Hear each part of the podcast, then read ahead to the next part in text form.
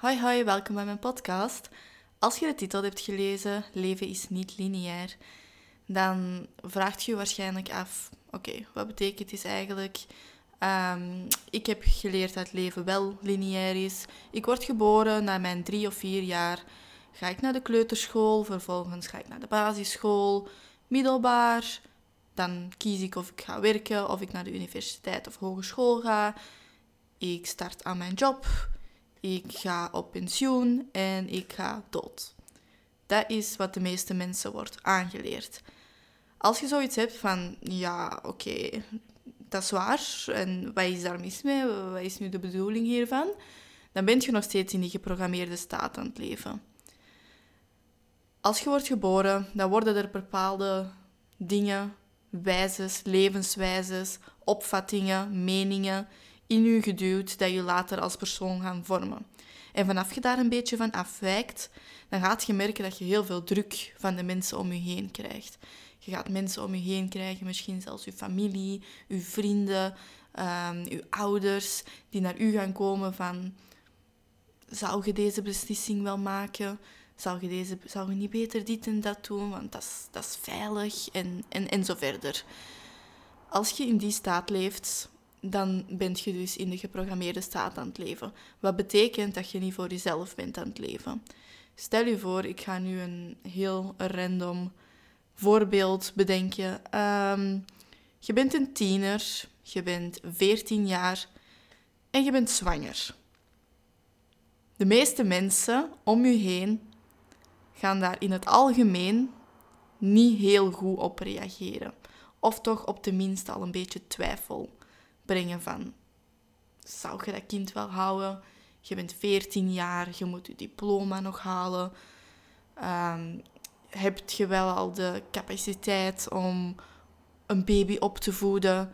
En zo verder. En bij deze wil ik even heel duidelijk maken dat dit puur een voorbeeld is. Ik raad geen tienerzwangerschappen aan. Um, als je toch zwanger bent, beslis helemaal zelf. Maar het ding is, je gaat dus veel druk om je heen krijgen. Die druk waar ik het net over had. Als je probeert af te wijken van die geprogrammeerde staat dat je hebt geleerd sinds dat je een kind waart. En wat, wat er uiteindelijk gaat gebeuren, is dat je gaat afwijken van je hogere zelf. We worden allemaal geboren puur zonder opvattingen van, anders, van anderen. Iedereen wordt gevormd. Daar is geen weg naast. Door ervaringen, trauma's, dingen die in je leven gebeuren, dingen dat je ziet en zo verder. En als we dan even teruggaan naar die tienerzwangerschap, stel je voor, je bent een tiener en je bent in die situatie van oké, ik heb een baby, nu kan ik twee kanten uit. Of ik kies de geprogrammeerde staat en ik luister naar iedereen om mij heen en ik ga verder van mijn hogere zelf, want ik luister niet naar mezelf. Dus uiteindelijk ga je steeds meer en meer gescheiden worden van jezelf, wat gaat resulteren in een niet zo gelukkig leven. Of je kiest de andere weg. En dat is de weg dichter naar je hogere zelf. En dat is van, oké, ik maak deze beslissing volledig voor mezelf. Stel je voor, je bent 14 jaar en je wilt toch heel graag dat kindje houden. Maar uw ouders zeggen van nee, uw vriendinnen zeggen nee, uw vriend heeft u misschien al verlaten en zo verder. En je, en je beslist toch nog om dat kind te houden, betekent dat je dichter gaat bij je hogere zelf. Nogmaals, ik raad tienerzwangerschappen niet aan. Dit is puur een voorbeeld. Um, wat een grote beslissing is in heel veel mensen hun leven. Dus als je dan voor die keuze staat om ofwel de geprogrammeerde weg te vinden en ofwel de weg te kiezen voor je hogere zelf, dan ga je sowieso een uitkomst hebben. Maakt niet uit welke weg dat je kiest. De geprogrammeerde weg ga je resulteren dat je minder gelukkig wordt. Wat dat je uiteindelijk ook gaat uitstralen naar andere mensen in je leven. Want als jij niet gelukkig bent, dan zijn meestal heel vaak de mensen om je heen ook niet gelukkig. Soort trekt soort aan. Interesses trekken interesses aan. Als jij geïnteresseerd bent in depressieve dingen, dan, je, dan is de kans heel groot dat er ook depressieve mensen om je heen zijn die daar ook in geïnteresseerd zijn. als je omgaat met mensen die heel graag sporten, dan is het grote kans dat je ook een sporter bent en ook houdt van sporten. Dat wil ik zeggen met soort trekt soort aan. Dus dat kan in alle kanten uit, zeg maar. Maar je staat dus voor die twee keuzes en de weg van je hogere zelf gaat weer leiden naar je hogere zelf. Dus jij die dichter komt bij jezelf. Dat puur geluk kan ervaren in zijn of haar leven.